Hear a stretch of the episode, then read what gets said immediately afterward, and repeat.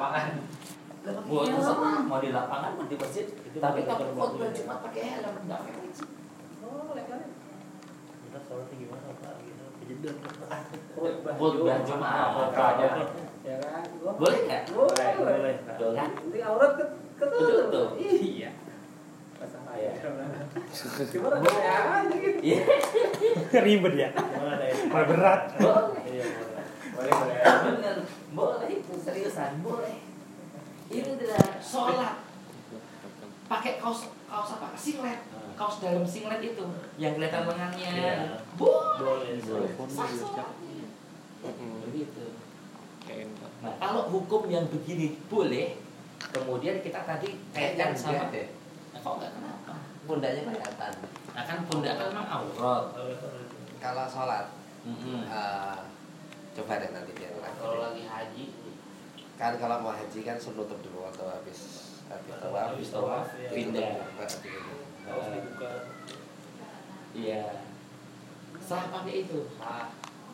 Selama ininya dari pusat sama dan pulang ketutup sih sah harusnya. Iya. Menurut pendapat saya ya. Betul. Cuma nggak sopan. Cuman etika. Iya. ya, kalau norma kesopanannya mungkin kan. Tapi itu kan antara Cuma nggak ya. Baik. Nah, baik saya masuk lagi tentang lupa.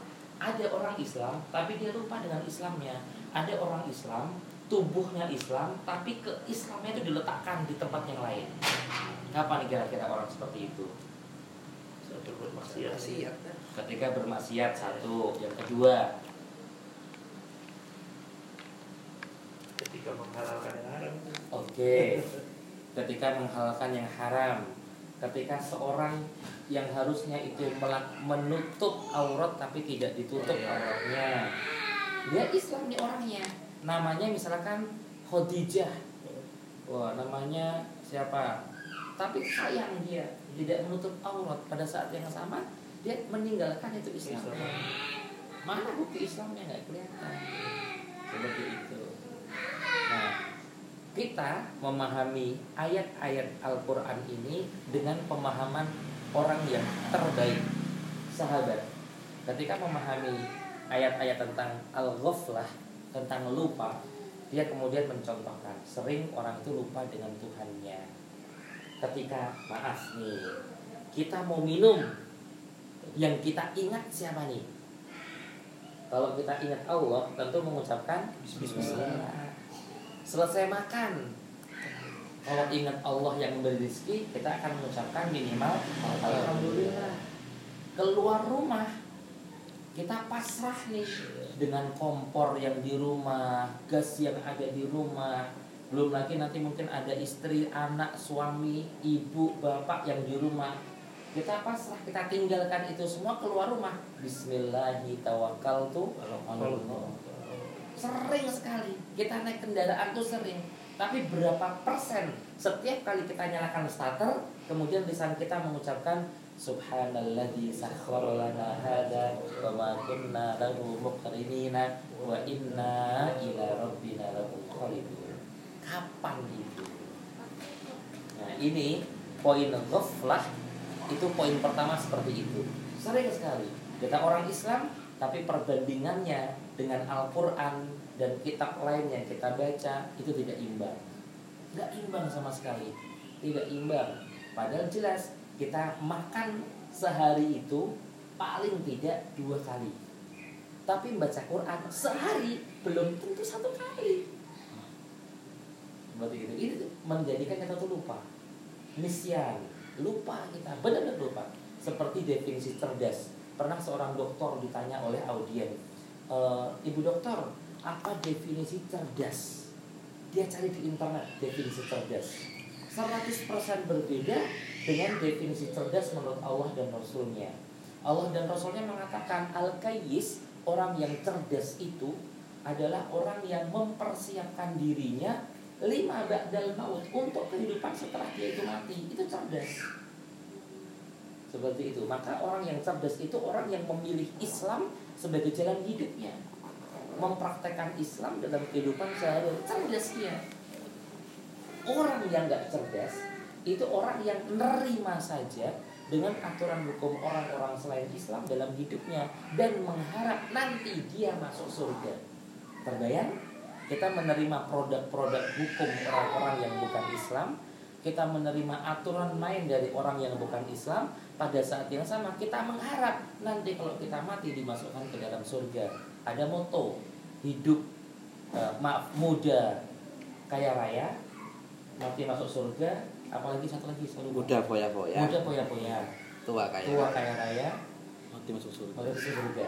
Coba moto ini itu bisa gitu. menjadikan orang husnul khotimah tiga ini bisa. Syaratnya ujung hidupnya dia itu memperbaiki 100% dari apa yang sudah dia lakukan. Poya-poya itu kan berarti nggak ada manajemen waktu.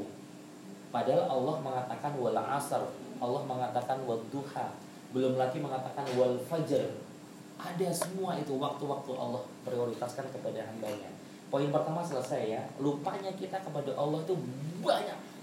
Dalam 24 jam silahkan. Dari bangun tidur, kalau kita nggak berdoa, lupa. Yang membangunkan kita itu bukan alarm. Tapi yang membangunkan kita itu Allah. Dan setiap kali kita bangun pagi itu tandanya Allah masih siap memberi rezeki kita di hari itu. Maka kita dibangunkan. Jangan takut sama rezeki, ada apa enggak ya. Jangan melakukan sesuatu yang haram karena rizki sudah Allah jamin. Kalau dibangunkan Allah, maka ada rizki di hari itu. Belum lagi nanti ketika cuci tangan setelah selesai bangun tidur. Bangun tidur, kemudian mungkin bisa ngeliat istri masih tidur, biarin. Kita cuci tangan. Kemudian ambil air wudhu. Kemudian melakukan aktivitas yang positif, sholat subuh. Masya Allah. Kita ingat kepada Allah. Tapi ada yang tidak seperti itu. Poin pertama selesai. Poin kedua, lupanya kita, nisyan yang kedua, lupanya kita pada perjalanan panjang setelah kita itu mati. Banyak orang yang lupa, lupa itu. Dengan pertanyaan alam kubur, dia mengatakan, ah masa iya? Ah enggak deh. Kayak kamu udah pernah masuk aja. Padahal Allah mengatakan, maaf, Rasulullah menyampaikan hal itu, ada kisi-kisinya. Masuk alam kubur itu ada SOP-nya. Ketika sudah ditinggalkan orang terakhir, maka persiapan untuk menyambut kedatangan malaikat. Kemudian ditanya tentang tiga hal, kita harus tahu semuanya. Kemudian setelah itu ada perjalanan panjang tak berkesudahan. Hingga akhirnya kita dipantaskan oleh kitab. Oleh kitab yang memantaskan kita. Kitab ini berisi catatan kehidupan kita. Jumlahnya ada 99 lembar. Kita menentukan hidup kita nanti itu sekarang Nanti seperti apa itu sekarang? Maka teman-teman sekalian ketika ngaji seperti ini Sejak awal niat kita ini niat untuk persiapan nanti ketika kita itu akan masuk ke dalam surga. Pantas-pantesan deh. Ayo kita mantas-mantasin diri dari ngajinya kemudian dari semangatnya eh, kita nyari peluang belajar tilawatul Quran nyari guru-guru ngaji. Saya tadi ketika datang datang pertama kata ibunya Bang Udin gimana ini guru ngajinya udah datang tapi tuan rumahnya belum datang saya katakan, Mi, nggak apa-apa, belum datang. Orang tuan rumahnya masih ngaji tempat yang lain. Iya. Isya tadi saya masih melihat Bang Udin naik motor. Wah, Bang Udin berangkat ngaji juga. Itu masa bagus. Begitu. Tapi harus tahu juga kita ini. Ketika mengaji, ketika Masya Allah, ketika e, mencari ilmu dan sebagainya, ingat di situ ada kewajiban yang harus kita cari tentang perjalanan sangat panjang. Harus tahu semuanya. Beneran kita harus tahu. Karena apa? Karena karena kalau tidak, yang namanya setan, nah, yang namanya jin yang apa ya? eh, jin yang siap menggelincirkan kita itu banyak. Jin yang siap membuat kita tergelincir itu banyak dan hobinya jin, hobinya jin kerjaannya itu ternyata menggelincirkan kita dari ingat kepada Allah. Kalau ada orang yang kepada Allah, jin datang. Pokoknya jin datang aja, digoda dia. Dan ketuanya jin itu namanya iblis. Yang jin kafir ketuanya iblis itu kemudian aktivitas yang menggoda namanya setan seperti itu itu harus kita lawan. Maka kalau kita mau ngaji mau ngaji nih dalam kondisi baik coba. Dalam kondisi baik kita nggak berbuat, berbuat maksiat. Mau baca Quran saja kita minta tolong kepada Allah dari godaan coba a'udzubillahi kok bisa? Lalu kita mau baca Quran kok minta tolong kepada Allah biar setan tuh nggak goda karena banyak itu godaan setan. Pas baca kemudian kita dibikin ngantuk. Al-Kahfi itu ada 110 Jumat itu waktu 24 jam. Kalau 24 jam dibagi 110 itu kan mungkin sekali itu. Habis subuh selembar duhur selembar asar selembar maghrib selembar bangun tidur selembar sebelum tidur selembar. Itu cukup. Tapi kadang kita tuh lupa itu sama sunnah itu. Jumat lupa. Kelewat aja sudah. Nyeselnya kalau pas malam begini aduh kelewat ya. Satu ya. pekan depannya pekan depan. Satu. Lupa. Jadi gitu dia. Gitu lagi. itu dia makanya ayat-ayat tentang lupa itu silahkan teman-teman kaji. Ayat-ayat tentang lupa dalam Al-Quran yang ujungnya ghain, fa, sama lam itu bagus-bagus semuanya. Orang kafir itu pasti dilupakan sama Allah tentang perjalanan panjang di hari akhirat. Nanti boleh teman-teman mencari perbedaan muslim sama kafir itu dalam surat Muhammad. Itu bagus sekali perbedaan yang sangat jauh. Kemudian Allah tutup dengan matalul jannah allati wa'idal muttaqin perumpamaan eh, surga yang nanti akan dihuni atau diberikan kepada kita seluruhnya.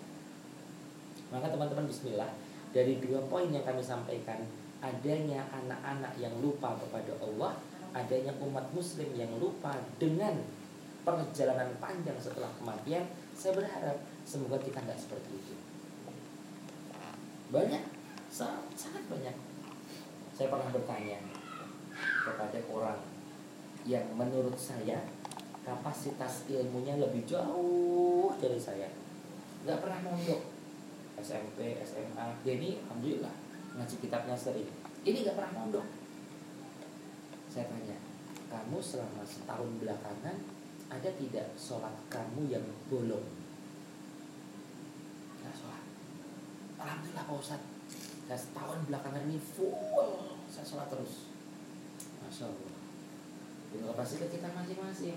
Ada tidak sholat kita yang bolong dalam setahun ini. Kalau sudah wah alhamdulillah nggak ada yang bolong alhamdulillah bersyukur nggak ada yang bolong. Dari Muharram tahun lalu sampai Muharram tahun ini nggak ada yang bolong. Naik levelnya kita. Ya Allah banyak sekali teman-teman saya di usia yang seperti saya ingatan mereka kepada Allah lebih dari saya mereka sekarang ada di pesantren. Mereka sekarang ada di tempat-tempat yang asing. Mereka ada yang saat ini berjuang di jalan Allah. Ada eh, hobi yang sama tapi beda kondisinya. Saya ambil contoh. Dulu zaman sahabat orang-orang seusia teman-teman ini zaman Rasulullah. Kalau saya Rasulnya teman-teman para sahabat sekalian ngobrolnya di masjid ikut ngobrol tentang pedang itu seperti apa yang tajam bagaimana. Dalam Al-Quran dijelaskan kalau ketemu orang kafir fador berrikob kita diminta untuk memukul yang sebelah mana. Dijelaskan sama Allah dalam Al-Quran. Itu dulu para sahabat itu ngajinya detail. Kalau sekarang kita sama ngaji tentang perang. Ngaji tentang apa ya eh, kekuatan senjata beli dan sebagainya. Tapi orang lain beli tapi game. Nggak nyata gitu. Kita perangnya tuh nggak nyata. Kita perang sama setan kalau dulu nyata. Nanti silakan teman-teman buka. Saya pengen saya pengen betul. Kalau kita bisa umroh bersama Doli. Nanti yang jadi promotor ya. Beliin tiket semua kita biar setengah-setengah gitu kan ya. Iya. Amin. itu pengen itu. Di Baki itu banyak kisah heroik dan saya pengen punya cita-cita di Baki itu nggak hanya 20 menit 30 menit. Coba di Baki maaf tadi bukan di Baki di eh, Uhud. Di Uhud itu kita setengah hari deh dari duha sampai kemudian menjelang asar untuk meneladani satu tokoh yang luar biasa hebat Hamzah pamannya Nabi sama orang yang melempar tombak namanya Wasi. iya bukan wasi Wasi. wahsi Wasi. yang nanti kemudian wahsi itu Wahsy. masuk Islam Masuk Islam. setelah masuk Islam dia selalu dalam kajian dengan Rasulullah nggak berani tatap muka begini Iya. tapi selalu di belakangnya Nabi wah sih kamu kenapa di belakangku kajiannya nggak mau di depan saya malu karena saya pernah membunuh orang yang engkau cintai saya cukup di belakang engkau saja itu semua bisa bisa hidup itu di sana. Masya Allah. Kita pengen mengkaji bagaimana orang yang dengan akhirat itu punya visi panjang. Nggak cuma di dunia saja hidup di dunia. Ada rizki tadi saya dengar dari Doli ada burung Makau. Makau. Harganya 60 juta. Makanannya itu satu boxnya 500 ribu. Itu kan kalau kita mikir kita makan ramen indomie itu kan masya Allah 2000 rupiah 3000 lah kok makan burung 500 ribu loh. Masya Allah. Itu berarti kita bagaimana ini mengkondisikan hidup biar nggak sampai lupa sama Allah?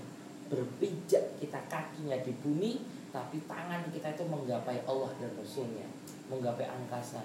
Gimana caranya aku nanti bisa masuk surga? Gimana caranya bisa masuk surga? Pikirannya seperti itu setiap hari. Silahkan dicoba terus dicoba ketika kemudian jualan bagaimana jualan ini menjadi cara tercepat aku masuk surga? Saya pun seperti itu. Ketika bikin bukan bikin salah. Ketika saya melanjutkan perjuangan eh, orang-orang membuat sekolah ini saya berpikir gimana caranya SD ini bisa membuat saya masuk surga?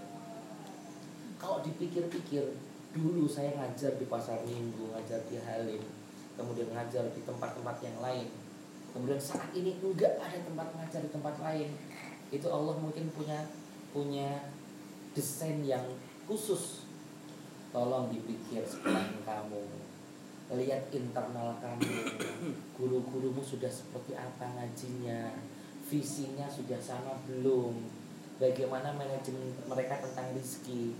Kalau guru ada yang dapat gaji 800 kerja setiap hari lima hari kerja Sabtu Minggu pulang dia ke rumah istri eh, maaf ke rumah orang tuanya. Gimana kamu mikirin orang yang seperti itu? Yang kalau sudah tanggal 15 ini udah tanggal 13, 14, 15 SD gajian itu mereka mulai deg-degan. Ada potongan nggak ya? Ada potongan nggak ya? Kalau ada potongan aduh kita apa sih? Seperti itu. Mulai aja seperti itu. Tapi hidup kita bukan untuk itu saja.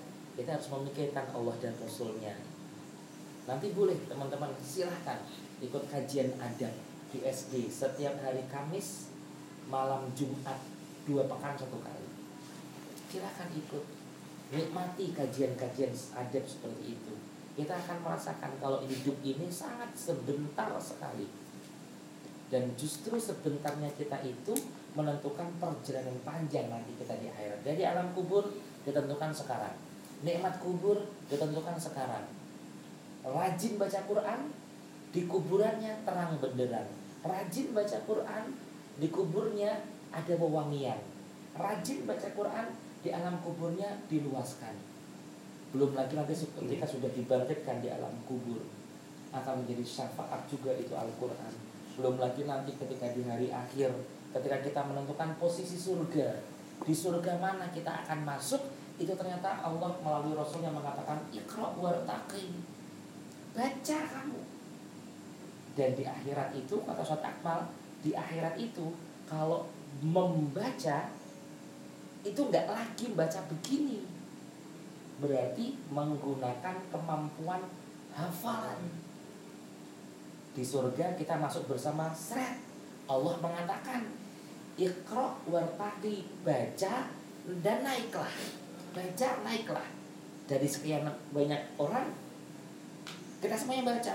Yang pertama surat dalam Al-Quran Fatihah. Kita hafal semua. Berarti kita kalau Fatihah misalkan 7 ayat kita naik level 7 tuh 2, 3, 4, 5, 6, 7 masih sama. Wah teman-teman masih sama semua. Baca dan naiklah. Mulai Al-Baqarah nih. Di antara kita ada yang hafal ada yang enggak. Ada yang hafalnya 5 ayat ada yang ujung belakangnya aja. Waduh gimana caranya nih? Ada yang hafal seluruhnya yang seluruhnya naik terus kita udah mulai ketinggalan. Aduh. Nanti akan ada penyesalan seperti itu. Maka Quran Quran Quran dibaca. Semangat itu. Kalaupun kita tidak bisa membaca yang begini-begini ini waduh masih berat ke Arif saya karena memang ya selain mata lelah aktivitas banyak dikirnya kita itu Quran. Sangat bisa sekali sangat bisa sekali lawang dalam satu menit dalam satu menit itu kita bisa membaca al-ikhlas tiga kali. Dalam satu menit. Al-ikhlas itu sepertiga Al-Quran. Kalau dibaca tiga kali seakan-akan kita sudah membaca Al-Quran seluruhnya. Coba. Berapa semenit. Kalau semenit itu berarti kemudian duduk setelah buka tokonya duduk. Allahu ahad. Masya Allah Allah Esa Allah Somad. Allah itu tempat bergantung aku jualan ini yang memberi yang meng- mendatangkan pembeli itu Allah. Bukan karena aku ayo bang bang bang. Atau gimana ini kalau bapak? Wah habis ketemu apa apa Pek? habis ketemu wah Evita bukan itu. Subro. tapi ternyata Allah tuh yang bikin banyak penjual buah. Tapi kenapa hati ini lebih memilih Bang Udi? Kan begitu Bang Udi tadi ibu juga cerita handphone itu harus aktif baterai nggak boleh dalam kondisi drop harus online terus. Kalau udah kelewat satu pelanggan aja aduh kelewat begitu rasanya. Kita semua begitu tuh harusnya. Kalau kelewat sehari saja ya Allah ini Jumat Al-Kahfi belum baca atau belum habis itu harusnya nyesel sekarang. Nyesel itu sekarang. Tinggal besok hari Sabtu kita perbaiki.